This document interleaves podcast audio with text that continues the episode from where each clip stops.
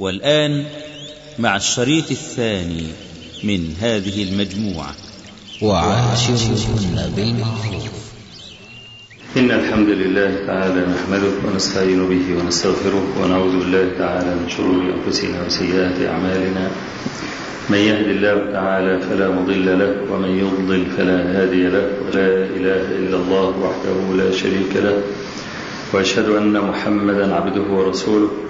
أما بعد فإن أصدق الحديث كتاب الله تعالى وأحسن الهدي هدي محمد صلى الله عليه وآله وسلم وشر الأمور محدثاتها وكل محدثة بدعة وكل بدعة ضلالة وكل ضلالة في النار. اللهم صل على محمد وعلى آل محمد كما صليت على إبراهيم وعلى آل إبراهيم في العالمين إنك حميد مجيد. وبارك على محمد وعلى آل محمد كما باركت على إبراهيم وعلى آل إبراهيم في العالمين إنك حميد مجيد. قال ابن الجوزي رحمه الله وفراغ النفس من الاهتمام بما حصلت من رغبات أصل عظيم يوجب إقبال القلب على المهمات. ومن فرغ من المهمات العارضة أقبل على المهمات الأصلية ولهذا جاء في الحديث لا يقضي القاضي بين اثنين وهو غضبان وإذا وضع العشاء وحضرت العشاء فابدأوا بالعشاء. وكنا تكلمنا في المرة الماضية عن الحديث الأول وهو قوله صلى الله عليه وسلم في حديث أبي بكر رضي الله عنه لا يقضي القاضي حين يقضي وهو غضبان. أو لا يقضي القاضي بين اثنين وهو غضبان. وبمناسبة راوي هذا الحديث فقد وصلتني رسالة من مجلة الفرقان في الكويت مع مقال عجيب غريب لرجل يعني ما كنت أتوقع أن يقع في هذه الوحدة. السحيقة وأرجو أن يكون يعني ما نسب إليه خطأ وهو الدكتور محمد سليمان الأشقر. وهو يتكلم عن دخول المرأة في البرلمان وجواز أن تتولى المرأة المناصب القيادية كالقضاء ونحو ذلك. فتعرض لحديث أبي بكر الثقفي الذي رواه البخاري أن النبي صلى الله عليه وسلم قال عندما بلغه أن ابنة كسرى تولت قال لن يفلح قوم ولوا أمرهم امرأة فحتى يقطع الطريق على المحتجين بهذا الحديث فليته لما أراد أن يضعف الحديث ضعفه من جهة رواته ولكنه بكل أسف رد الحديث لفسق الصحابي. قال إن أبا بكر فاسق والفاسق رد الله عز وجل شهادته وطبعا هو يشير بذلك إلى الواقعة المشهورة أن أبا بكر مع اثنين اتهموا المغيرة بن شعبة رضي الله عنه بالزنا. والاثنان الآخران رجع عن شهادتهما وثبت أبو بكر على شهادته.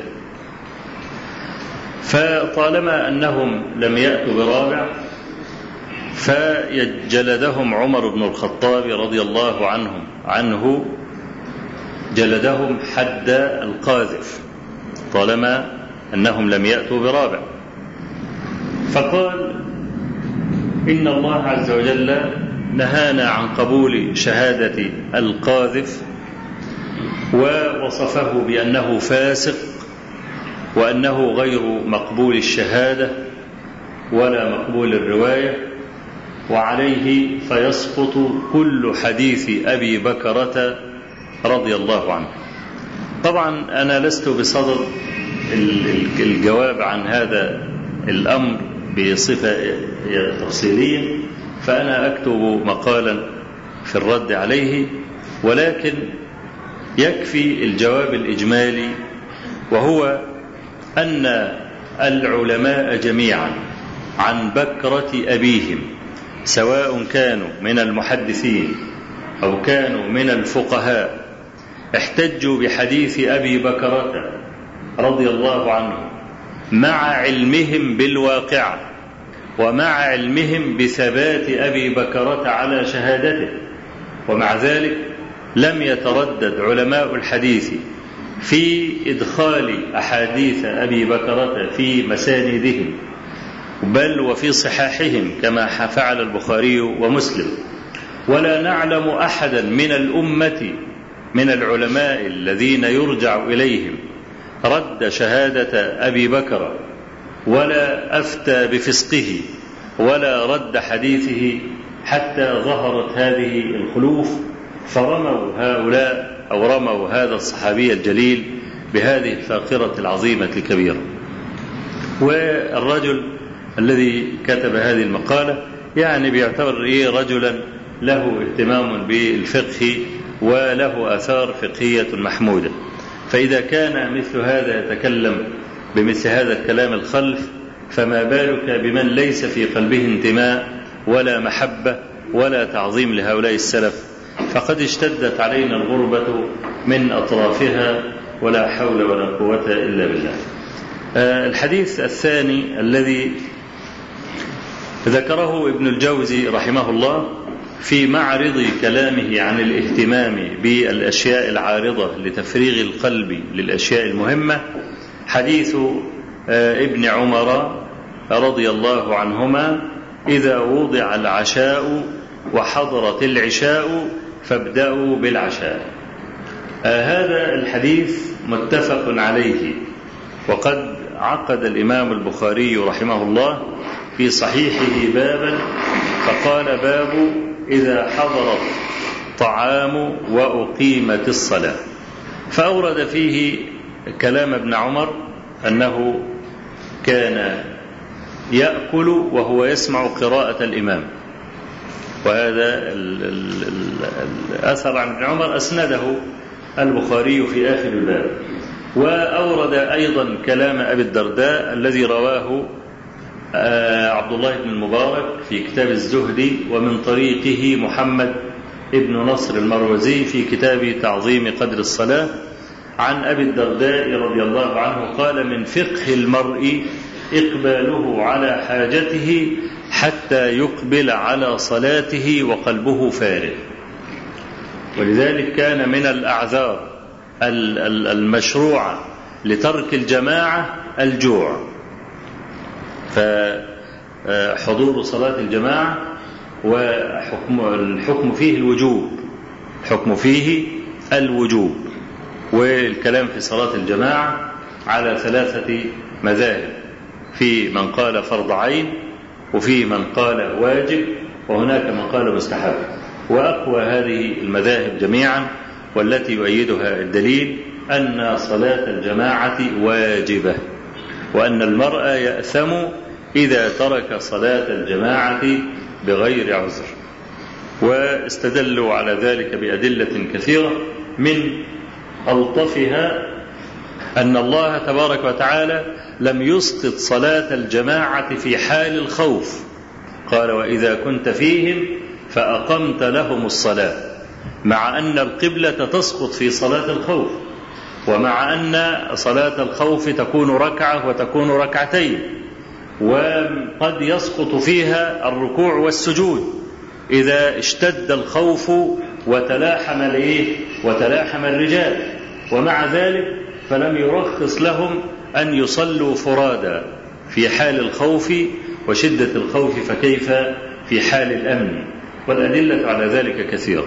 فمن الأعذار المشروعة هو الجوع. إذا جاع المرء فحينئذ يندب إلى الإقبال على طعامه وترك صلاة الجماعة.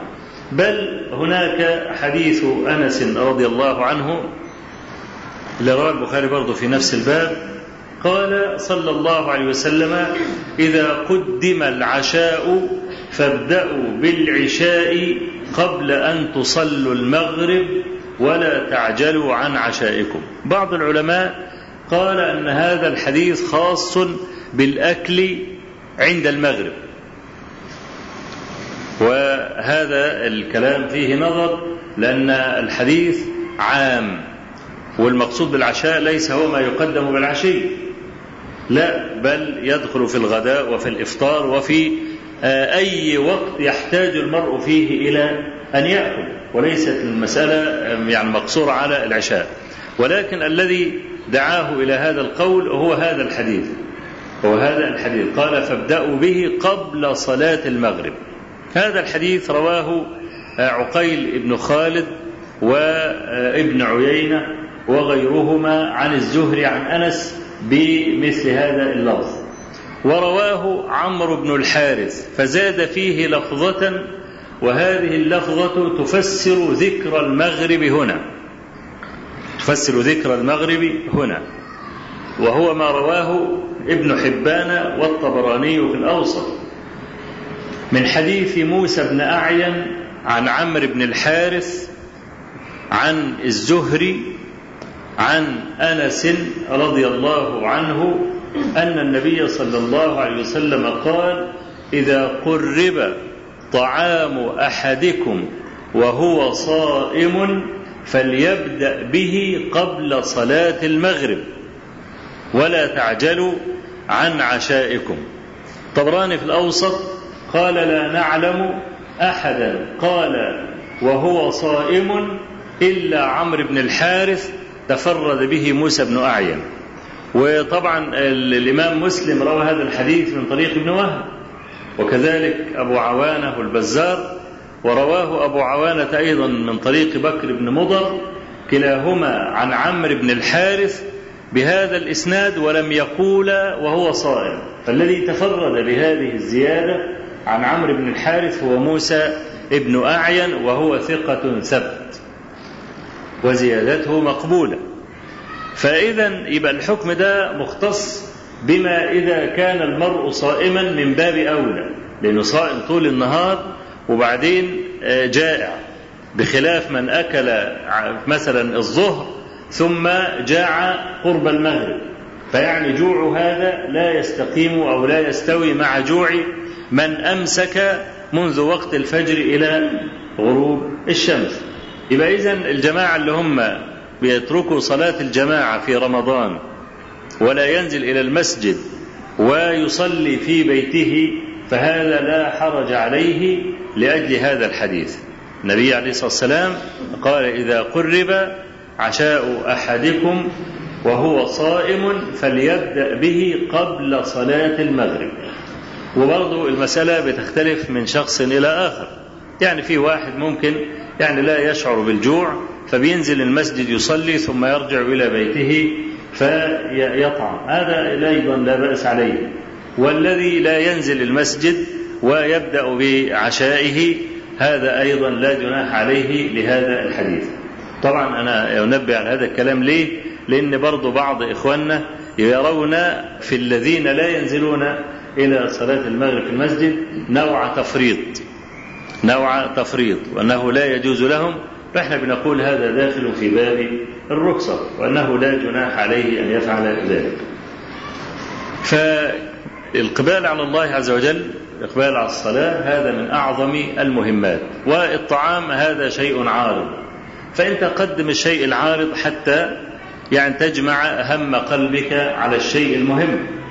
لأن النبي صلى الله عليه وسلم قال إن العبد لا يدخل في صلاته فيخرج منها بثلثها بنصفها بربعها بخمسها. حتى قال بعشرها. حتى قال بعشرها. وإن الرجلين هذا ليس من كلام النبي صلى الله عليه وسلم لا يقف أحدهما بجانب الآخر في الصلاة وما بين صلاتيهما كما بين السماء والأرض. السبب في هذا إقبال المرء وجمعه لشتات قلبه بخلاف الآخر الذي عرض له شيء فأجله حتى يصلي فذهب هم قلبه. فابن الجوزي رحمه الله بيتكلم بهذا الكلام وهو يعني يشرح لنا الإقبال على المرأة واختيار الأخلاق. عايز يقول أهم شيء في المرأة هو الدين والخلق. وإن الإقبال على المرأة ينتهي بمعاشرتها. وكذلك الإقبال المرأة على الرجل أيضا ينتهي بمعاشرته. ثم لا تبقى إلا الأخلاق الحميدة. لأجل هذا بننبه الشباب هو اللي لسه في مقتبل حياته ولم يتزوج بعد.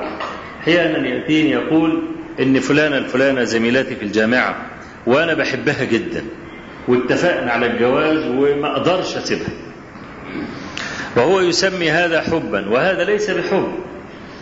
حب تعريفه يختلف تماما عن هذا إنما هذا يسمى شوقا. والشوق ينطفئ باللقاء أما الحب فيبقى. حب أساس الاحترام وأساس معرفة درجة كل إنسان التي أعطاه الله تبارك وتعالى اياها وللرجال عليهن درجة. يبقى المرأة إذا كانت تحب زوجها فلا تخرج عن مكانتها التي بوأها رب العالمين إياها. وعايزة تقعد جنب جوزها وتبقى راجل وتاخد منه القوام. لا هذا ليس من الحب في شيء. حب الاحترام اخلاق والعشرة بالمعروف وصيانة كل واحد للآخر. هو ده الحب. إنما رغبة الرجل في المرأة والمرأة في الرجل هذا لا يسمى حبا عشان كده ابن الجوزي يعني قبل هذه يقول ينبغي على الرجل أن يتفرس وأن ينتقي المرأة ذات الخلق. ليه؟ لأن المرأة أنت لك أكثر من مأرب في المرأة. بتعفك وبتغسل لك هدومك وبتطبخ لك وتنظف لك بيتك. دي هذه كلها فيها أشياء عارضة وأشياء أكثر من العارضة لكن يمكن أن نعيش بدونها.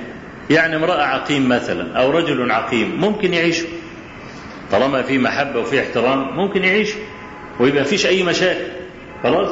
فيمكن أن يعيشوا بلا ولد. إذا أهملت المرأة في أكلها في شربها كان يمكن للرجل أن يحتملها لكن لا يحتمل منها سوء الخلق. فيبقى الخصلة الأصلية هي حسن الخلق اللي ابن الجوزي بيركز عليها ولاجل هذا ضرب المثلين بهذين الحديث أن يفرغ المرء من الاشياء العارضة حتى يقبل على الأشياء المهمة. يقول رحمه الله فمن قدر على امرأة صالحة في الصورة والمعنى فليغمض عن عوراتها. كما قال صلى الله عليه وسلم لا يفرق مؤمن مؤمنة إذا سخط منها خلقا رضي منها آخر. فيش إنسان في الدنيا مقبول في كل اتجاه بل له بعض ما ينكر عليه. والعبرة بكثرة المحاسن. العبرة بكثرة المحاسن. فإذا وجد الرجل المرأة صالحة دينة خيرة تسعى في رضاه فليجتهد في يعني الإغماض عن عورتها. زي مثلا ممكن تكون امرأة فاضلة جدا لكنها غيور. زي ما ابن الجوزي هيتكلم دلوقتي. لكنها غيره. الغيرة في غير ما يحب الله من الغل. أي الغيرة في غير ريبة. والغيرة المحمودة اللي هي الغيرة في ريبة هذه غيرة محمودة. والغيرة في غير ريبة غيرة مذمومة كما ورد الحديث بذلك عن رسول الله صلى الله عليه وآله وسلم. ف تغار المرأة على زوجها الغيرة أي رجل في الدنيا يكره المرأة الغيراء. لا يحبها. ليه؟ بتعمل له إزعاج. كذلك أي رجل يعني أرجو أن أنا ما كنتش بفتات على الرجالة وبتكلم نيابة عنهم لكن هو ده اللي أنا يعني إيه عرفته من مخالطتي لمشاكل الناس وموضوعات الناس. أي رجل يكره أن تتعلق به امرأته إلى درجة العشق. ليه؟ لأنها بتطلع عينيه. ليه عايزة خط سير؟ ساعة ما يخرج لحد ما يرجع. والمرأة بهذه الصورة امرأة تظن في زوجها الريبة وهو غير مريب. ولذلك تعكر ما بينه وما بينها. ده بسبب إيه؟ بسبب الغيرة أو بسبب التعلق أو بسبب الشك. وخير الأمور أوساطها. فالرجل إذا وجد في المرأة مثل هذا لكنها فاضلة يغمض عن عوراتها وهي بالمقابل ينبغي أن تتصنع له وأن تبالغ في مرضاته كما يقول ابن الجوزي رحمه الله من غير قرب يمل ولا بعد ينسي ولتقدم على التصنع يحصل الغرضان قضاء الوطر والولد جميعا. مع الاحتراز الذي أوصيت به تدوم الصحبة ويحصل الغناء بها عن غيرها. فإن قدر على الاستكثار فأضاف إليها سواها عالما أنه بذلك يبلغ الغرض الذي يفرغ قلبه زيادة تفريغ كان أفضل لحال وطبعا هذا الكلام مهم. برضو أنا أذكر به إخواننا الذين يريدون الإقدام على التعدد. كثير من إخواننا يقدم أو يريد أن يقدم على هذا الأمر بغير أن يدرس المصالح والمفاسد في هذا الأمر. وأنا أذكر لما يعني أعددت الأول مرة في مسجد الجماعة الشرعية وكان يوما حافلا إذ أنها كانت كالقنبلة يعني زواجي للمرة الثانية كان يشبه القنبلة. فجاء الشباب وامتلأ المسجد وغص عن آخره وحدثني شباب قبل أن أدخل إلى المسجد إن إحنا جايين على إيه عشان نتجوز. يعني هو جايين يسمعوا المحاضرة اللي هي تدعوهم إلى التعدد. فلما تكلمت عن التعدد وضابط التعدد فكأني أغلقت عليهم الباب. ليه؟ لأني تكلمت عن مسألة المصالح والمفاسد. والإنسان إذا أراد أن يستحدث امرأة فالقصد من استحداث المرأة إيه؟ أن يكون أطيب لقلبه وأن حياته تستقر. ما يدخلش بقى في صراع ما بين المرأتين. وهي المرأة الأولى رافضة ورفضها مؤكد وهو عارف أن المرأة إذا تحامقت هدمت البيت. لأن استقرار البيوت بنسبة 90% وأكثر إنما هو على كاهل النساء. لأن لا يوجد رجل في الدنيا يريد أن يهدم بيته. لأن هو الخسران على طول الخط. خسران الشقة وخسران الولاد وخسران العفش ها؟ وبعدين بعد كده هيطلع ينام في الشارع. وعلشان يبتدي حياته من جديد ويتزوج امرأة جديدة شوف هو بقى لما دبر الجوازة الأولى اتصرف قد إيه. وأنفق من عمره كم سنة حتى يتزوج. فالرجل الخسران على طول الخط وليست المرأة. لأجل هذا البيوت المستقرة السبب في استقرارها 90% عقل المرأة وفضلها. والبيوت المهتزة زي الريشة كده في مهب الريح سببها المرأة برضه.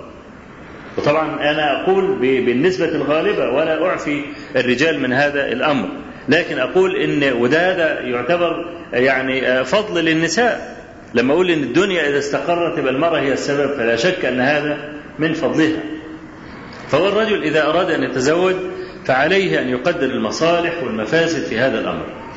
وأنا أقول دائما وأكررها إذا رزق الله عز وجل العبد بامرأة وفية فاضلة دينة لم تقصر في طاعته ولم يز ولم يعني يسقط منها خلقا ذميما وكانت تكره هذا الأمر فعليه أن يترفق بها وفاء ومروءة ونبلا.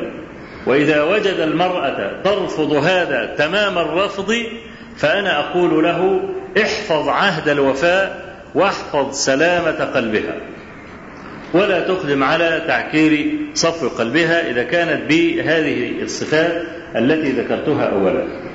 فإذا قدرت على أن تقنع المرأة وأن تستكثر من النساء فذلك لا شك أنه يكون أفضل.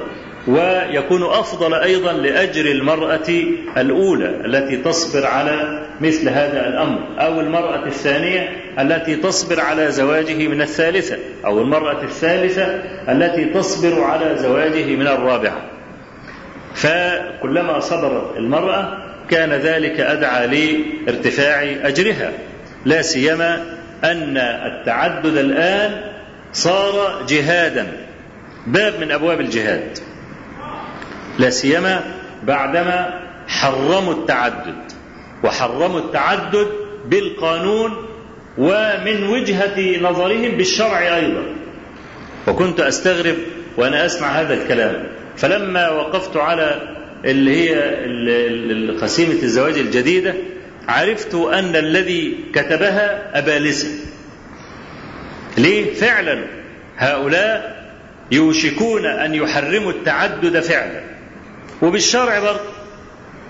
هيحرموه بالشرع. إزاي؟ يقول لك في شروط في الأسيمة طبعا اللي اتجوز نفد ها؟ اللي اتجوز قبل كده بالأسيمة القديمة ده فلت. بجلد الأسيمة الجديدة بقى كاتب لك بقى إيه؟ شروط. عامل أربع شروط وبقية الصفحة نقط. نقط يعني إيه؟ يعني لأي اشتراطات أخرى. يعني فاتحين الباب على مصراعيه. من ضمن بقى الشروط دي يقول لك سين للمرأة هل توافقين على أن يتزوج زوجك عليك؟ طب قول لي بقى بالله عليك واحد بيتزوج لأول مرة واستلف فلوس الجواز من طوب الأرض وما صدق إنه لقى أوضة وصالة وبنت بتتزوج لأول مرة بنت لسه 18 سنة 20 سنة 22 سنة. هل لو هو قعد كده بعد البهدلة اللي حصلت له ومتقدم للبيت وبعدين قال لها أيوة هتجوز عليك هيجوزوه؟ مفيش حد هيجوزه. لا المرأة هتقبل ولا أبوها هيقبل. وهو بيتجوز للمرة الأولى مفيش في دماغه أصلا المرة الثانية ليه؟ لأن هو جاب المرة الأولى بالعافية وما صدق خلاص فما عندوش إقبال أصلا على الفكرة يعني الفكرة لسه ما عششتش في دماغه وكبرت كده واتخمرت فضلا عن إن البنت سترفض ولا سيرفضون هيبقى إيه بقى؟ هل تقبلين أن يتزوج زوجك عليك؟ لا صار شرطا ولا لا؟ ولا يجوز للمسلمين أن يخالفوا شروطهم المسلمون عند شروطهم وانت ارتضيت الشرط ده. تيجي بقى تتجوز طبعا هم الأول بيعملوا قسيمة الجواز. قصراها لما تتجوز عليها إيه اللي هيحصل؟ هتطلب الطلاق وتاخد القايمة والعفش والبتاع والكلام ده. خلاص؟ أهو تحصيل حاصل لحد دلوقتي. ما هو من غير ما تعمل شروط الست تعبتك في الكلام ده لما بتطلقها بتاخد حاجتها. ماشي؟ يبقى ما لسه ما حصلش حاجة. أنا بقول لك بقى فيما أرى الخطوة الجاية. بس الخطوة الجاية بعد عشرين سنة مثلا ثلاثين سنة أربعين سنة. يقوم يقول لك نعمل بقى في قانون العقوبات عقوبة لمن يخالف هذه الشروط. تمام؟ أنت كتبت كده لا لن أتزوج عليه وبعدين خالفت الشرط قمت مطلقها واخد عفشها لا يا حبيبي. ما أنت هتطلقها كده ببساطة؟ لا ده إحنا بقى نحط في قانون العقوبات بقى إن اللي خالف الشرط الأولاني ست شهور سجن مع الشغل. تمام؟ أو سنة مع الشغل أو أي حاجة. وعشر تلاف جنيه غرامه أو عشرين ألف جنيه غرامه خلاص؟ والشرط الثاني توافق أن تعمل امرأتك؟ طبعا الأب مربي بنته علشان يبقى معاه سلاح. مش كده؟ مش بيقولوا كده؟ شهادتها سلاح داخله تحارب بقى. الراجل بقى عمل حاجة كده ولا كده تقوم فاتحة كرشه على طول وتعيش لوحدها وتعيش بمرتبها وتصف الراجل. تمام؟ يبقى ده الشرط الثاني. البنت معاها بكالوريوس معاها ليسانس معاها بتاع عايزة تأمن نفسها. حتى لو كانوا ناس كده يعني طيبين وكويسين يقول لك يا أخي ما يجراش حاجة. اكتب كده اوافق على الشغل وهي قاعدة في البيت يعني برضه هتخرب بيتها وهتطلع تشتغل غصب عنك كل حاجة برضاك برضه تمام؟ خلاص يوم الراجل يكتب زي اللي زي اللي بيتورطوا في كتابة القايمه الوهميه وبعدين يدوقوا بقى المر ألوان. يقول لك والله البنت اتجوزت أختها وبنت عمها وبنت خالتها القايمة خمسين ألف. ويا عم كله حبر على ورق. اكتب اكتب ويمضي خمسين ألف وخلاص إحنا يعني نقصد حاجة. خلاص طلعت الست شربة الخمسين ألف بقى تروح تجرجرك في المحكمة. وتلزمك كمان. يعني من ناحية الشرع تلزمك. ليه؟ لأن أنت وافقت على هذا. عشان كده بقول لكم المرأة لو كنت أنت موافق عليها وممتازة والكلام ده ما تكتبش في القايمة إلا اللي أنت جبته. رفضت المرأة اللي خلقها خلق زيها وخلق أحسن منها كمان. ماشي يا عم؟ دي نصيحة أنا بنصحها لك. لو المحاكم مليانة بال بال بال بال بالمشاكل اللي زي دي تهاون وبعدين برضه يقوم يكتب كده كده في آخر القايمة إيه؟ القائمة أو ثمنها. خلاص؟ طب القايمة بخمسين ألف. خليك جبت العفش بخمسين ألف. بعد ما تقعد انت والست على العفش عشر سنين هيساوي كام؟ فانت هي دلوقتي أصبحت مخيرة. يا تاخد القايمة يا تاخد ثمن القايمة. يقول لك لا مش عايزين القايمه عايزين ثمن وانت اللي كاتب هذا الكلام يبقى يلزمك القاضي باللي هم يختاروه. طب تجيب خمسين ألف منين؟ ما دي كلها مشاكل. سببها إيه؟ سببها التساهل. سببها التساهل في الأول. فالشروط دي الناس بيتساهلوا فيه الشرط الأولاني تقبل المرأة أن يتزوج زوجها عليها. لا مش هتقبل يتكتب. وخلاص صار شرطا. النهارده الشرط ده مخالفته هيبقى في مقابله عقوبة. يبقى منع التعدد ولا لا؟ يبقى منع التعدد. عشان كده. إحنا يعني عايشين في زمان غريب. ينطق فيه الرويبضة كما قال رسول الله صلى الله عليه وسلم. وبعدين حتى في قوانين الأحوال الشخصية اللي هي البقية الباقية في القانون الخاضعة للشرع على مذهب أبي حنيفة راضيين راضيين يكون على مذهب أبي حنيفة. بس ما يبقاش على مذهب أي واحد خوارج تمام؟ هو يعمل لك إيه بقى؟ برغم أنه على مذهب أبي حنيفة طبعا كل مذهب فيه من الأقوال الساقطة والضعيفة آه الشيء الكثير. هو يجيب لك أسقط الأقوال. قال به قائل ويحطه في القانون. فحتى هذا الشق اللي هو بيخضع ليه مذهب أبي حنيفة أيضا في أقوال العلماء من زمان بيحاولوا يغيروا فيها ويدخلوا مذهب مالك ومذهب الشافعي ومذهب أحمد في بعض المواد بالذات في المرأة التي غاب عنها زوجها واختفى فص ملح وداب لا عارفين مات ولا عايش ولا أي حاجة والست بقى لها عشر سنوات. لا هي متزوجة ولا هي مطلقة. أهو المذهب بيلزمها إن أن تصبر حتى تموت. طب ما تدخلوا مذهب تاني. لا ضرر ولا ضرار. إذا ترجح لدينا أن الرجل فقد خلاص يبقى تطلق المرأة يطلقها السلطان وتتزوج رجلا آخر. تمام؟ طيب افترض الراجل طلع من تحت الأرض بعد عشر سنين جاء خبط على الباب. فين مراتي؟ كانت متجوزة واحد تاني. إيه الحل؟ تطلق من هذا الثاني وترجع للأول. خلاص؟ وترجع للأول. ليه عقد الزواج الأول يقيني؟ ونحن لما طلقناها من زوجها الأول لظننا أنه فقد بسبب قرينة طول غيابه. والأصل إن الظن لا يزيل اليقين. يعني أنت متوضا توضأ هذا يقين. وبعدين شكيت لسه متوضي ولا مش متوضي؟ قال لك أنت متوضي. خلاص؟ الشرع بيقول لك وضوءك وضوءك على حال لم يتغير. ليه؟ قال لك الشك لا يزيل اليقين. فنحن عندما طلقنا المرأة في المرة الأولى وزوجناها للرجل زوجناها بظن هذا الظن محفوظ بقرينة أن الرجل فقد لكثرة غيابه. فلما يرجع الراجل يبقى عقد الزواج الأولي اليقين. عشان كده تطلق المرأة وترجع إلى إيه؟ إلى زوجها الأول. فاحنا عايزين نقول يا جماعة أن مسألة التعدد هذه مسألة ينبغي أن ننظر إليها بعين الاعتبار. القاهرة الكبرى اللي هي القاهرة والجيزة.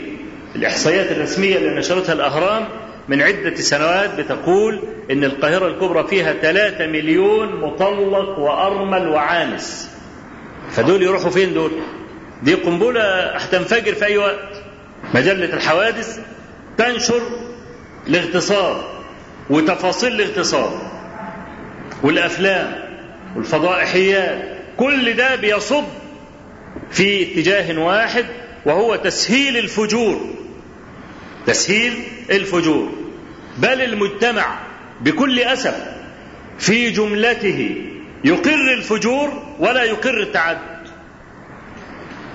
وأنا أقول هذا الكلام وأنا لا أقوله ظنا إنما أقوله مستيقنا به. امرأة زوجها زنى وماشي مع أي واحد.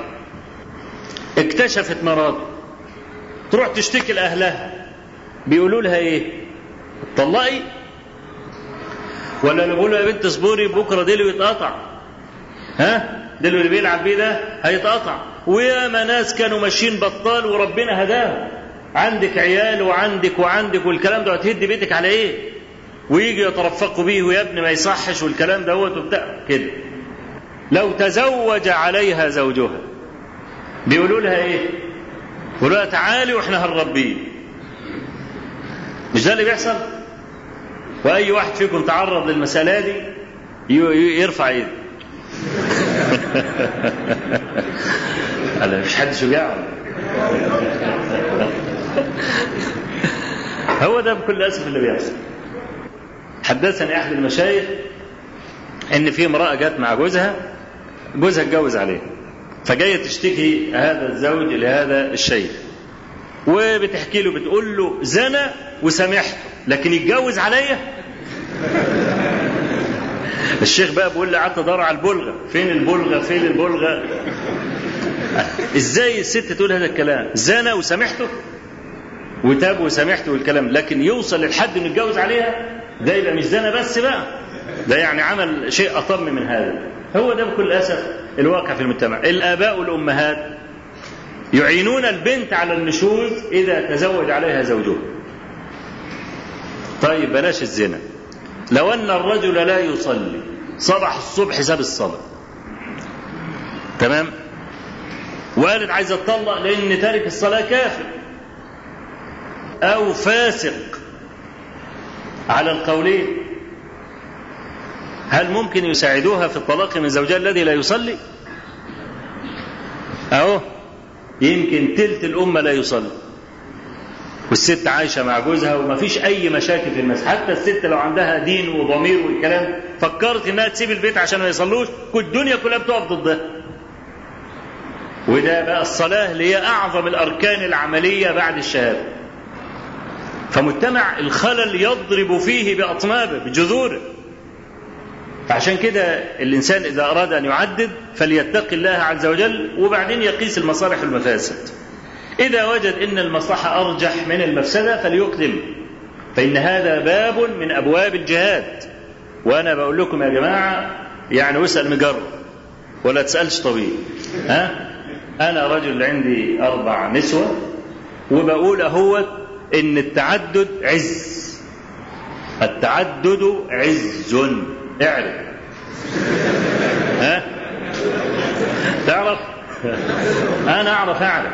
لكن أنت ما تعرفش. والإعراب هو الإفصاح. ها؟ الإعراب هو الإفصاح. فيعني التعدد عز. اولا في الحديث النبي صلى الله عليه وسلم أن الرجل يرتفع الدرجة في الجنة فيقال يا ربي بما هذا؟ فيقال له بدعاء ولدك لك. فأنت ما تعرفش أنا ولد هو اللي يستجاب له ومظنة كثرة الأولاد مظنة وجود الفضلاء فيهم. كما قال النبي صلى الله عليه وسلم من صلى عليه مئة فقد أوجب. مئة. فلما يصلي عليه مئة وعشرين أو مئة وخمسين أو مئتين مظنة وجود المية أقل ولا أكثر؟ يعني لو صلى عليه مئة واحد من اللي هم الخلاصة يعني. ودعوا له فإيه؟ يشف يشفعوا فيه. تمام؟ طب لما يكون بيصلي عليه 200 يبقى المية وجودها أغلب ولا أقل؟ أغلب؟ أقل طبعا. خلاص؟ طب لما يصلي عليه ألف مظنة وجود المية أقوى ولا لا؟ طب ألفين ثلاثة آلاف أربعة آلاف عشرة آلاف كل ما يزيد العدد كل ما يكون مظنة وجود المئة اللي هم لهم هذا الوصف أقوى. كل ما يقل العدد كل ما يكون مظنة وجود الماء أقل. مش كده؟ فالنهاردة كل ما يكون لك أولاد كثيرون وطبعا مش لازم يكون ولد من ابنك لصلبك ممكن يكون حفيدك. ما هو ولدك برضه. الحفيد ولد. كما في حديث علي بن أبي طالب اللي هو في رواه النسائي. حديث علي بن الحسين من حديث الحسين بن علي عن أبيه علي بن أبي طالب في صفة وضوء رسول الله صلى الله عليه وسلم. فعلي بن أبي طالب لما توضأ قال لابنه الحسين هكذا رأيت أباك النبي صلى الله عليه وسلم يفعل. هكذا رأيت أباك النبي صلى الله عليه وسلم يفعل. والنبي صلى الله عليه وسلم جد الحسين ولا أبوه؟ وجد الحسين مش كده؟ ومع ذلك قال له إيه؟ رأيت أباك أباك النبي صلى الله عليه وسلم. فكسب الرجل أحفاد الرجل كل دول داخلين في إيه؟ في جملة أولاده. فكل ما يكون عندك أولاد كتير كل ما يكون مظنة وجود الإيه؟ الصالحين ووجود الفضلاء أكثر. وكل هذا يصب في صالحك. بالإضافة لي كما قلت قبل ذلك في محاضرات شتى أن المرأة تصلح المرأة. وطبعا لما يكونوا يعني ناس بيتقوا الله المرأة تصلح المرأة. إزاي؟ الرجل لما بيبلغ سن 40 سنة وطبعا إيه يعني الكلام ده هيستفيد بيه اللي هو لسه الصغير صغير السن. لما يبلغ سن 40 سنة بيكون ولاده كبروا والمرأة بتكون تعبت والخدمة عليها بتكون كثيرة فبيكون الأولاد رقم واحد عندها. والراجل رقم اتنين تي تتزحزح مكانة الرجل لرقم اتنين مش لأن المرأة زهدت فيه لا لأنه الشغل والتعب والكلام ده. فيبدأ بقى الرجل يشعر بشيء من الوحشة بينه وبين نفسه. بقى شغلته على آخر الزمن كمثال. يورد ياخد الفلوس ويورد للست ومطلوب منه كل حاجة مطلوبة. الأكل والشرب واللبس والمدارس والدروس والعلاج والكلام ده كله مطلوب من الراجل. يبقى شغال وردية واثنين وثلاثة وأربعة عمال يجيب ويورد فلوس عشان يكفي الإيه؟ المسألة دي. فبيحصل نوع من الفراغ العاطفي عند الرجل. فيبدأ الرجل عايز بقى يشعر إنه مهم إنه لسه مهم إنه لسه له قيمة في الدنيا. طب المرأة اللي هي خلفت كتير وبدأت بسبب زحمة الشغل تتلهي عنه عايز واحدة تهتم بيه. تمام؟ فيجيب واحدة بقى فاضية شوية.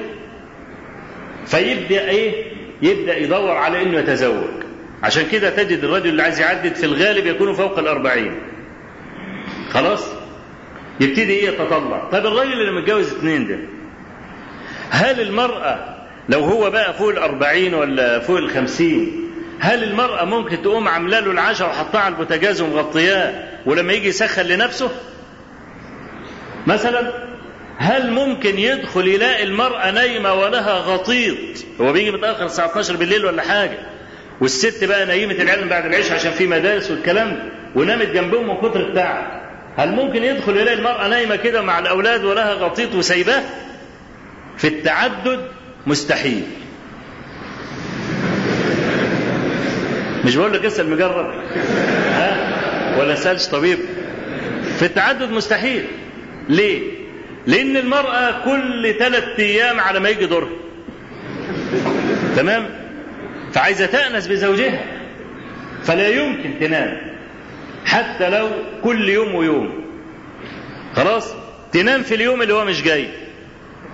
لكن اليوم اللي هو جاي فيه لا تنامش. فأنت تشعر إن حياتك حياة بهية وحياة زاهية وإن في نوع من الدفء المتواصل بينك وبين أهلك. بخلاف الايه الصورة الأولى. خلاص طبعا الدرس ده درس أنا عارف إنه عزيز جدا ورائع بالنسبة للنساء. وأي واحدة كانت بتنام قبل كده لا يمكن هتعمل العملية دي. فهو ربنا سبحانه وتعالى لا يشرع شيئا إلا في مصلحة الرجل وفي مصلحة المرأة أيضا. المرأة لو كانت زاهدة عابدة فكونها تتفرغ من خدمة زوجها يوما أو يومين أو ثلاثة دي تعتبر منحة بالنسبة لها. تقبل على ربها تقوم ليلها وتقبل على شأنها في الوقت اللي زوجها غائب عنه. فإذا جاء زوجها فرغت نفسها له. يبقى حتى لو هي زاهدة حتى لو هي طالبة علم مثلا. خلاص تفرغت من خدمة الزوج يوم أو يومين أو ثلاثة وتقبل على على شأنها. فعشان كده بنقول يعني ربنا تبارك وتعالى لما قال فانكحوا ما طاب لكم من النساء مثنى وثلاث ورباع شرع لنا ما يصلح حالنا. لكن المسألة كما قلنا كل نصوص القرآن والسنة مقيدة بالمصالح مقيدة بالمفاسد. فأنت أدرى بحالك وأدرى بنفسك وكن شفوقا وكن رحيما وأنت تفكر في هذا الأمر. يعني ما تفكرش بقى في رغبتك وانت عايز كده وخلاص وتهمل المرأة كليا لا ينبغي أن تكون رحيما بها لا سيما إذا كان فيها الصفات التي تقدم ذكرها. كانت إنسانة فاضلة وإنسانة دينة وإنسانة خيرة فرعاية قلبها أولى. شو بيقول ابن الجوزي إيه؟ بيقول وإن قدر على الاقتصار فإن الاقتصار على الواحدة أولى. فإن كانت على الغرض قنع وإن لم تكن استبدل. وما ده نفس الكلام اللي إحنا بنقوله. كانت المرأة على الغرض أي موافقة ومواتية والكلام ده خلاص لا بأس بذلك. وإن لم تكن على الغرض من الوفاء والصفات التي ذكرناها استبدلها بأخرى برضه المسألة إيه؟ المسألة تدور مع المصالح ومع المفاسد. لا سيما مع الغيرة. طبعا الغيرة تظهر أكثر في التعدد ولا تظهر أكثر في وجود المرأة الواحدة. فإذا كانت المرأة دينة خيرة صدها خوفها من الله أن تتعدى في غيرتها. لأن الغيرة فيها غيرة محمودة وغيرة مذمومة. الغيرة المذمومة أن يتعدى المرء حدود الله عز وجل بهذه الغيرة. والغيرة موجودة في النساء. وذلك الإمام البخاري عقد ثلاثة أبواب متتاليات للغيرة في كتاب النكاح. قال باب الغيرة ثم أعقبه بباب غيرة النساء ووجدهن ثم أعقبه بباب ذب الرجل عن ابنته في الغيرة والإنصاف. ثلاث أبواب ورا بعض. وطبعا على عادة الإمام البخاري ما بيكررش في التبويب إنما في كل تبويب ما ليس في الآخر. ففي باب الغيرة أورد فيه حديث النبي صلى الله عليه وسلم لا أحد أغير من الله. لذلك حرم على عبده الزنا. وأورد حديث عمر بن الخطاب الحديث أبي هريرة اللي هو فيه أن النبي صلى الله عليه وسلم دخل الجنة فرأى قصرا وعليه جارية تتوضأ فسأل لمن هذا القصر؟ قالوا لعمر جارية من هذه؟ قالوا جارية عمر قال فذكرت غيرتك يا عمر فوليت مدبرا. خلاص؟ وذكر أيضا كلام سعد بن عبادة لما جاء هلال بن أمية الواقفي يقول يا رسول الله وجدت رجلا مع امرأتي فقال أربعة شهداء أو حد في ظهرك. فقال سعد بن عبادة أأدعه معها وألتمس له أربعة شهداء؟ والله ما أعطيه إلا السيف. خلاص؟ وأورد فيه أيضا حديث أسماء بنت أبي بكر الصديق رضي الله عنهما وفيه أن أسماء كانت تأتي بالنوى لفرس الزبير وفي يوم من الأيام وهي راجعة من الأرض رآها رسول الله صلى الله عليه وسلم وكان يركب بعيره فأناخ البعير ودعاها للركوب خلفه. قالت فاستحييت وذكرت الزبير وغيرته. فلما رأى رسول الله صلى الله عليه وسلم الناس استحيت فانصرف. فلما رجعت أسماء البيت فبتحكي للزبير ابن العوام ما جرى أنها يعني لما أنا عارفه أنك أنت غيور وبعدين كرهت أن أركب خلف رسول الله صلى الله عليه وسلم. وأنا عايز الكلام ده بقى يصل إلى الدياييث الذين لا غيرة عندهم قط. هؤلاء الدياييث الذين لا غيرة عندهم قط. يسمح للرجل يدخل البيت في غيابه والمرأة تفضل تجالس الرجل وتقدم له في الشاي والقهوة والكلام ده لحد ما سعادة الباشا يشرف ويجي البيت. ويسمحوا بالاختلاط هذا الاختلاط المزري ودي طبعا النبي صلى الله عليه وسلم محرم لجميع نساء الأمة كما يظهر من سياق بعض الأدلة. وإن كان طبعا المسألة دي فيها خلاف بين أهل العلم. لكن الذي يظهر أنه محرم لجميع نساء الأمة فيجوز له أن يدخل بيت الرجل في غيابه يجوز له أن يدخل بيت الرجل في غيابه ومع ذلك استحيت أسماء أن تركب خلف النبي صلى الله عليه وسلم رعاية لغيرة الزبير أورد كل الأحاديث دي وأحاديث أخرى معها لإثبات الغيرة وبعدين عقد بابا لغيرة النساء على حدة. فهذا الباب أخص من الذي قبله. الذي قبله يشترك فيه الرجال والنساء معا إنما عقد بابا لغيرة النساء ووجدهن على إيه؟ على وجه الخصوص ليه؟ لأن الغيرة منهن أكثر طب ليه؟ قال لك لأن ممنوع المرأة تتجوز رجلين خلاص؟ لكن الرجل يتزوج بامرأتين وهذا هو داعية وجود الغيرة وأورد فيها حديثين الحديث الأول حديث عائشة رضي الله عنها والثاني لعائشة برضه الحديث الأولاني قال النبي صلى الله عليه وسلم لها إني لأعلم غضبك من رضاك. قالت كيف ذلك يا رسول الله؟ قال إذا كنت علي غضب تقولين لا ورب إبراهيم وإذا كنت عني راضية تقولين لا ورب محمد. قالت والله ما أهجر إلا اسمك. طب ليه إبراهيم؟ على وجه الخصوص يعني مش أي نبي تاني. أبو الأنبياء؟ أبو أبو إبراهيم أبو ابن يعني. ما كل الأنبياء تبعوا ملة إبراهيم. طيب أنا أنا أقول لكم حاجة. أنا بس أقول لكم حاجة. طيب طب بص يا عم. بص يا عم أنت هو دلوقتي إحنا في موقف لما أنا سألت السؤال لابد أن يكون لإجابتك علاقة بالمعنى اللي إحنا بنتكلم فيه وده اللي أنا بسأل عنه يعني دلوقتي قال إذا كنت علي غضبا يبقى المسألة فيها زعل أهو مش كده؟ إذا كنت علي غضبا تقولين لا ورب إبراهيم قالت له إيه؟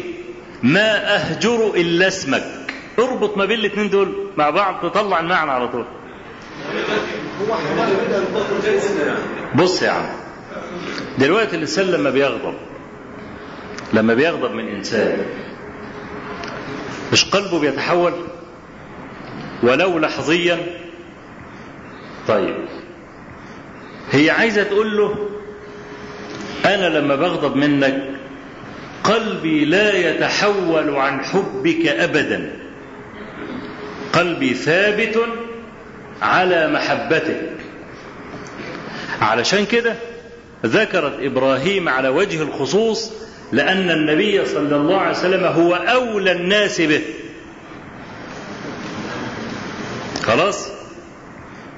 فلما قالت لا ورب إبراهيم ما بعدتش فكأنما أرادت أن تقول هجرت اسمك فقط وقلبي مقيم على محبتك. بخلاف الناس. إن ممكن الواحدة تكره زوجها أو الرجل يكره مراته يكره شكلها واسمها وذاتها نفسها. ولذلك اختارت إبراهيم عليه السلام دون سائر الأنبياء. عشان كده إيه؟ بتقول له والله ما أهجر إلا اسمك فقط. وإنما ذكرت اسم إبراهيم لتدل على هذه المحبة لأنه أقرب الناس إليه وأولى الناس به. وأورد الإمام البخاري فيه أيضا حديث عائشة رضي الله عنها قالت ما غرت على امرأة أكثر من خديجة لكثرة ما كان النبي صلى الله عليه وسلم يثني عليها. حتى كما في طريق من طرق الحديث بس مش في الباب ده هو حتى ذكرها مرة فقالت خديجة خديجة عجوز حمراء الشدقين هلكت في الدهر أبدلك الله خيرا منها طب يبقى كده عدت ولا لا؟ عدت. لأن الغيرة لا يجوز لأحد إذا غار أن يتجاوز حدود الله بأن يتكلم في الآخر. فلذلك النبي صلى الله عليه وسلم رد اعتبار خديجة في هذا المجلس. قالت له عجوز والعجوز تذهب نضارتها وبهاؤها ويقل نظر الرجال إليها إذ المرأة زينة. تمام؟ حمراء الشدقين سقطت أسنانها ولم يبق إلا لفتها فإذا ضحكت ظهر إيه؟ ظهر الاحمرار اللثة. بس وإنما يعطي البسمة بهاء بياض الأسنان بياض الأسنان يعني أنت عارف مثلا لو واحد مخلع أسنانه كلها من غير ما يفتح بقه أنت تعرف إنه مخلع أسنانه صح؟ ليه؟ لأن الأسنان دي بتشد الوجه تشد الوجه وتعطي بهاء الوجه في الابتسام فيعني يعني ده مثلا لو ضحك واخد بالك إزاي؟ تفتكر دراكولا على طول. فعايزة تقول يعني إيه الميزة اللي فيها؟ اولا عجوز وذهبت نضارتها وليس لها أسنان فحتى لما تيجي تضحك ليس لضحكتها أي معنى. تمام؟ أبدلك الله خيرا منها يعني بتفكر في اللي راح وسايب اللي قدامك. الشباب والجمال والحميراء والكلام ده. فالنبي عليه الصلاة والسلام بمقتضى عقد الوفاء وهو سيد الأوفياء قال لا والله ما أبدلني الله خيرا منه. لذلك كان هذا نصا واضحا في تفضيل خديجة. لأن العلماء علماؤنا يتنازعون أيهما أفضل خديجة أم عائشة؟ على قولين. الذي أعتقده أنه لا أفضل من خديجة على الإطلاق. لا أفضل من خديجة على الإطلاق لنصوص هذا أحدها. ما أبدلني الله خيرا منها. ويمكن أن نفصل فنقول كانت خديجة أفضل لرسول الله صلى الله عليه وسلم وعائشة أفضل للأمة.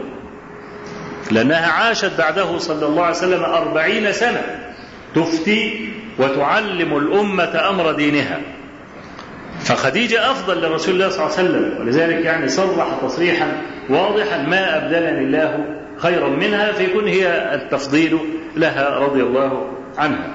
فالإمام البخاري لما أورد الباب ده عايز يقول لك إن النساء يغرن عادة فينبغي على الرجل أن يتحمل غيرة المرأة والغيرة من الحمق حمق المرأة ومن خفتها فعليه أن يتحمل هذا. فإذا لم تجاوز المرأة حدود الله بالاعتداء على الآخرين وإنما اعتدت عليه هو في نفسه فعليه أن يصبر وأن يتحمل وأن يتجرع ذلك لها فإن هذا من حسن العشرة فإذا يعني جرت عليك أنت اصبر عليه. لكن إذا تعدت حدود الله عز وجل فينبغي أن توقفها عند حدها. وقد يصل الأمر التأديب إلى الضرب ولا جناح في ذلك لا سيما إذا تعدت المرأة وتخطت واغتابت ونمت وسبت وجدعت كل ده لكل مقام مقال وكل واحد أدرى بامرأته. إما الذي يصلحها أيضربها أم يهجرها أم يصبر عليها أم يطلقها أي واحدة من هذه الأشياء الرجل هو الذي يكون أبصر بشأنه من غيرها. يقول ابن الجوزي رحمه الله ومن خاف وجود الغيرة فعليه بالسرار. كده قلبنا بيتقطع عليه بالسرار فإنهن أقل غيرة. الغيرة توجد في المرأة الحرة. ليه حرة؟ إنما السراري اللي هن الإماء يعني دي بضاعة وسلعة مش عاجباك تبيعها وتاخد ثمنها تاكل بيه وتشرب بيه. لقيت معاك قرشين تروح تشتري لك واحدة من السوق فاللي تتشري وتتباع ديت ملهاش قيمة. وانت نفسك بتبقى زاهد فيها مش عايز تخلف منها. عشان كده كانوا يحرصون على نجابة الولد وكانوا يحرصون على الإنجاب من الحرة دون الأمة. فإذا أنجبت الأمة سميت أم ولد ومنع بيعها. رعاية لولدها لأن الولد بيتبع أبوه. مش كده؟ إذا كان أبوه سيدا حرا يكون الولد سيدا حرا كأبيه. وأمه لأجل هذا الولد لا تباع. لأن النبي صلى الله عليه وسلم نهى عن بيع أمهات الأولاد علشان الولد الحر ده. والنبي عليه الصلاة والسلام أشار إلى هذا في حديث عمر بن الخطاب وأبي هريرة اللي هو إيه؟ أبو هريرة في الصحيحين وعمر بن الخطاب في مسلم. لما قال له إيه؟ أخبرني عن الساعة؟ قال ما المسؤول عنها بأعلم من السائل قال أخبرني عن أماراتها. قال أن تلد الأمة ربها أو ربتها. افترض إن واحد أمير المؤمنين. ماشي؟ واتجوز جاب واحدة من الإماء وتزوجها خلف منها ولد. الولد بيتبعه. فممكن الولد يبقى هو أمير المؤمنين بعد أبوه. وتكون أمه من جملة رعيته. يبقى هو ربها ولا لا؟ ربها أي سيدها. خلاص كده؟ فالآمة دي اللي هي تباع وتشترى كان الناس أو كان المسلمين عموما بيحرصوا على إن إيه؟ ما يخلفوش منها إنما يخلفوا من المرأة الايه الحرة لأجل نجابة الولد. فابن الجوزي يقول هيتزوج أربع حرائر. لا أن المرأة أو عنده حرة واحدة لا أن المرأة هتغار يبقى عليه بالسراري. والسراري دي حاجة دكاكين مش حد يقدر يقول له حاجة. يعني الحافظ ابن حجر العسقلاني. ده يعني آه لما قرأت الترجمة بتاعته كان كل خلفته بنات. وكان نفسه يخلف ولد. لم يستطع أن يتزوج بسبب امرأته الأولى. وسبحان الله كان رجلا صبورا. مات أولاده جميعا في حياته. وكلهم بعد ما تزوجوا أولاد البنات كلهم بعد ما تزوجوا. وبعدين لما ذهب إلى حلب في رحلة مع الخليفة تزوج امرأة هناك بدون علم امرأته وظل زواجه سرا وأنجب من هذه المرأة ابنه الوحيد محمدا. خلاص؟ وأخفى زواجه تماما عن المرأة الأولى. لحد ما المرأة اكتشفت هذا الأمر فبيتت الأمر بليل وبعتت جابت الست دي وجابت الولد وهو كان خايف على الولد خايف إن المرأة الأولى تعمل في الولد حاجة. فلما يعني دخل في يوم من الأيام عليها وسألته إيه الأخبار وبتاع وتلف وتدور معاه والكلام ده؟ المهم قالت له أنت إزاي تتزوج؟ وإزاي كذا؟ وإزاي كذا؟ طبعا كان بينكر الأول كان بيعرض يعني عليها بالكلام. لحد ما ما عرفتش بقى تسلك معاه إلا دخلت جابت الولد وقالت له مش ده ابنك؟ طبعا كانت مفاجأة يعني. لما ليه؟ لأنها جابت الولد وأمه وبعدين الست اللي اتجوزها ابن حجر دي كانت كانت تعمل خادمة وأمة عند زوجته الأولى. فطبعا إيه الحافظ ابن حجر لما أراد أن يتزوجها وكانت أمة الست دي يعني كانت أمة الخادمة دي افتعل موقفا كده وقام طاردها من البيت. فطردها من البيت واتجوزها إيه؟ من بره بره يعني. وخلاص غابت أخبار الست دي عنها وبتاع. المهم عرفت الست إن المرأة الفلانية دي اللي كانت شغالة عندها هو اللي الحافظ ابن حجر العسقلاني تزوجها هو كان تتزوج امرأة في حلب برضه تزوج امرأة أخرى. كل ده بعيدا عن زوجته الأولى. أنا أرجو برضه إن النساء يفضلوا يقروا فتح الباري. ها؟ برغم الكلام اللي بيسمعوه ده لكن يفضل فتح الباري موجود في المكتبة. ما يرموش من الشباك بقى ولا يحرقوه ولا يقول لك الراجل ده. فالمهم قالت له فلانة وفلانة وقعد إيه يلف تلف معاه وتدور وهو يعرض عليها والكلام ده. خلاص قطعت إيه جهيزة قول كل خطيب ودخلت جوه جابت الست وجابت قالت له مش ده ابنك. فخرج فالحافظ ابن حجر على الولد ان الست تعمل في حاجة فخطفه منها. ويعني وكل به لبعض أصحابه حتى إيه؟ حتى لا يصاب بأذى.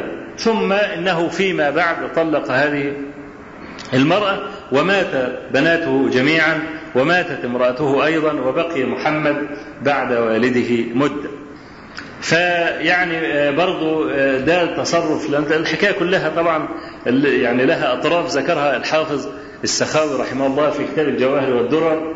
في ترجمة شيخ الإسلام ابن حجر العسقلاني. فالقصد يعني إن الأمة لما تتزوجها وتتزوج عليها ويكون في أمة واثنين وثلاثة وأربعة الإماء لا يغرن كالمرأة الإيه؟ الحرة. وحتى المرأة الحرة لا تغار من الأمة مثلما تغار من حرة مثلها لأن عارفة أن هي لها المكانة ولها السيادة وأن دي لو ضغطت عليه ممكن يبيعها. مش حتى يطلقها لا يبيعها كمان. يعني لا وزن لها ولا قيمة فعشان كده ابن الجوزي بيقول لك أهو بيقول لك يعني إذا كنت أنت خايف يعني مراتك الاولى تكون بتغار فتسرى فتعرف تعملها؟ ها؟ هم فين؟ أنا أقول لك يجوا إزاي؟ ها؟ لا تمتلئ بلاد المسلمين بالسراري إلا بالجهاد والجهاد هو البوابة الوحيدة ملهاش تاني البوابة الوحيدة التي يأتي منها السراري والإماء. والجهاد لا يكون إلا بين مسلم وكافر. الجهاد لا يكون بين مسلم ومسلم. أبدا. عشان الجماعة عشان كده الجماعة اللي قال لك إحنا تنظيم الجهاد الاسم غلط. ليه؟ لأن الجهاد ده مصطلح وإن كان ورد في بعض الأحاديث معنى الجهاد زي الهجرة. زي الهجرة. والنبي صلى الله عليه وسلم يقول لا هجرة بعد الفتح. هو ده اللون الوحيد من الهجرة؟ لا. بس الجهاد كاسم وككتاب وكفقه معروف كده إن الجهاد يكون في مقابله إيه؟ كافر. إنما مسلمين مع مسلمين ده اسمه قتال اسمه بغي اسمه كفاح سميه أي حاجة. بس لا تسميه جهادا. عشان كده اسم الجهاد بيرعب الكفر. كلمة الجهاد دي ترعب الكفر لأنهم عارفين كويس إن لما ترفع راية الجهاد إنما يكون ضد كافر على طول. فالأصل في إعراض المسلمين العصمة يعني مثلا حرب العراق وإيران. العراق والكويت ولا العراق أي حاجة. العراق دي عمل كل حاجة. عمل الجماعة اللي صدام حسين ده عمل كل حاجة. ده لا يحل لمسلم عراقي أو لمسلم إيراني مثلا إنه ياخد أي واحدة من البلدين. ليه؟ لأن دي مسلمة والمسلمة لا تسترق إنما تسترق الكافرة بس. عشان كده لا يحل لأحد أن يأخذ امرأة مسلمة في مثل هذا الباب. إنما الكفرة أنت بتدخل عليهم بتنتصر بتاخد بقى الرجالة وتاخد الأولاد وتاخد النساء وتاخد الأموال. حينئذ بتمتلئ الايه الأسواق النخاسه بهؤلاء الإماء رجالا ونساء. سوق كبير جدا نخاسه أنت عايز تبني البيت واخد بالك؟ فعايز عضلات. تروح تشوف كم عتل كده في السوق تجيب 10 15 يبنوا البيت وتبيعهم. خلاص؟ تبيعهم زي ما يكون موتور واستهلكت. خلاص؟ يعني انت لو شاريه مثلا ب 100 جنيه ولا 200 جنيه هتبيعه مثلا يا ب 200 جنيه ب 150 يا ب 170 ويقف شغله ببلاش. تمام؟ انت عايز بقى امرأة امرأتين ثلاثة اربعة تروح وكانوا بقى الإماء زمان لما تقرأ في أسواق النخاسة في العرب تلاقي حاجة عجيبة قوي كانوا عارفين إن العرب دول ناس يعني عندهم ذوق وأدب وكتير منهم بيحب المغنى والرقص والكلام ده. فكان الإماء يتعلموا الحاجات دي. واحدة تحفظ لها مثلا ديوان شعر واحدة تحفظ لها شوية خطب من خطب العرب واحدة تحفظ أغاني واحدة تضرب على الطنبور العود يعني أو أي حاجة. وأنت ماشي بقى عمال تدور تلقط رزقك فأنت عايز بقى حاجة معينة عايز واحدة مثلا للمغنى ده هم يعني مش أنت يعني إحنا ناس ملتزمين يعني. وعايز واحدة للمغنى يوم يروح مثلا إيه يقول أنا عايز واحدة مغنية. تقول له أنا مغنية. طب سمعين تقعد بقى إيه تغني له أغنيتين ثلاثة أربعة عجبته؟ ياخدها ما عجبتوش يسيبها ويشوف واحدة تانية. وهكذا. فكنا الإماء يتبارين في مثل هذا. كان في بقى في ركن للأدب وركن للموسيقى. وركن للأغاني والكلام ده. أي رجل على حسب بقى دينه ولا على حسب طلبه يروح السوق وينزل يختار. بالإضافة إلى أن الجمال يكثر في السرار عن النساء الحرائر. عشان كده إيه كان بيبقى مطلوب. يعني ابن الجوزي حتى ذكره في آخر هذه الخاطرة قال إن علي بن أبي طالب كان له سبع عشرة سرية. له سبع عشرة سرية. وتزوج الحسن بن علي بأربعمائة امرأة. طبعا هو ملوش إلا أربعة. فالأربعمائة امرأة كان يتجوز بالأربعة وطلق بالأربعة. آه هذا معروف وصح عن علي بن أبي طالب أنه كان يقول لا تزوجوا الحسن فإنه مطلاق. آه لا تزوجوا الحسن فإنه مطلاق. هذا السيد السيد الذي قال النبي صلى الله عليه وسلم إن ابني هذا سيد. خلاص؟ وابن جريج اللي هو عبد الملك بن عبد العزيز راوي الحديث المشهور تزوج سبعين امرأة. برضه إيه؟ لما تقرأ مثل هذه الأرقام ما تتصورش بقى إنه خالف الشرع بتاعه إزاي يتجوز 400 ومالوش غير أربعة. لا ما كان يبقي إلا أربعة من الحرائر ويكون عنده كثير من السريات. فنسأل الله عز وجل أن يمتع المسلمين برفع راية الجهاد. وأنتم عارفين بقى. طبعا أنا عايز لما تدعو برفع رايه الجهاد برفع رايه الجهاد مش عشان السلالم. ها؟ قال ابن الجوزي في آخر كلامه وقد كانت جماعة يمكنهم الجمع وكان النساء يصبرن. مرة تبقى مرأة عاقلة ومرأة فاضلة فإذا رأت زوجها يريد أن يتزوج عليها برضو تكايست. تكايست ولا تتحامل. ودي من ذكاء المرأة. الراجل إذا حب يتزوج ولبست في دماغه بيفضل يتحنجل لحد ما يموت.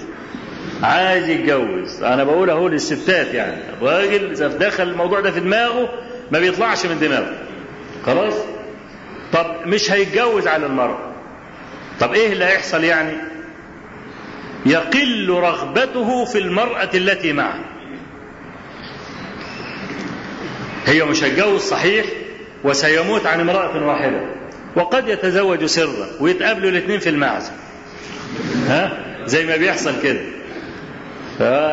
واحدة بتعيط بحرقة والزوجة المعروفة لراجل ساكتة وصبر. فيا ستي دي مراته.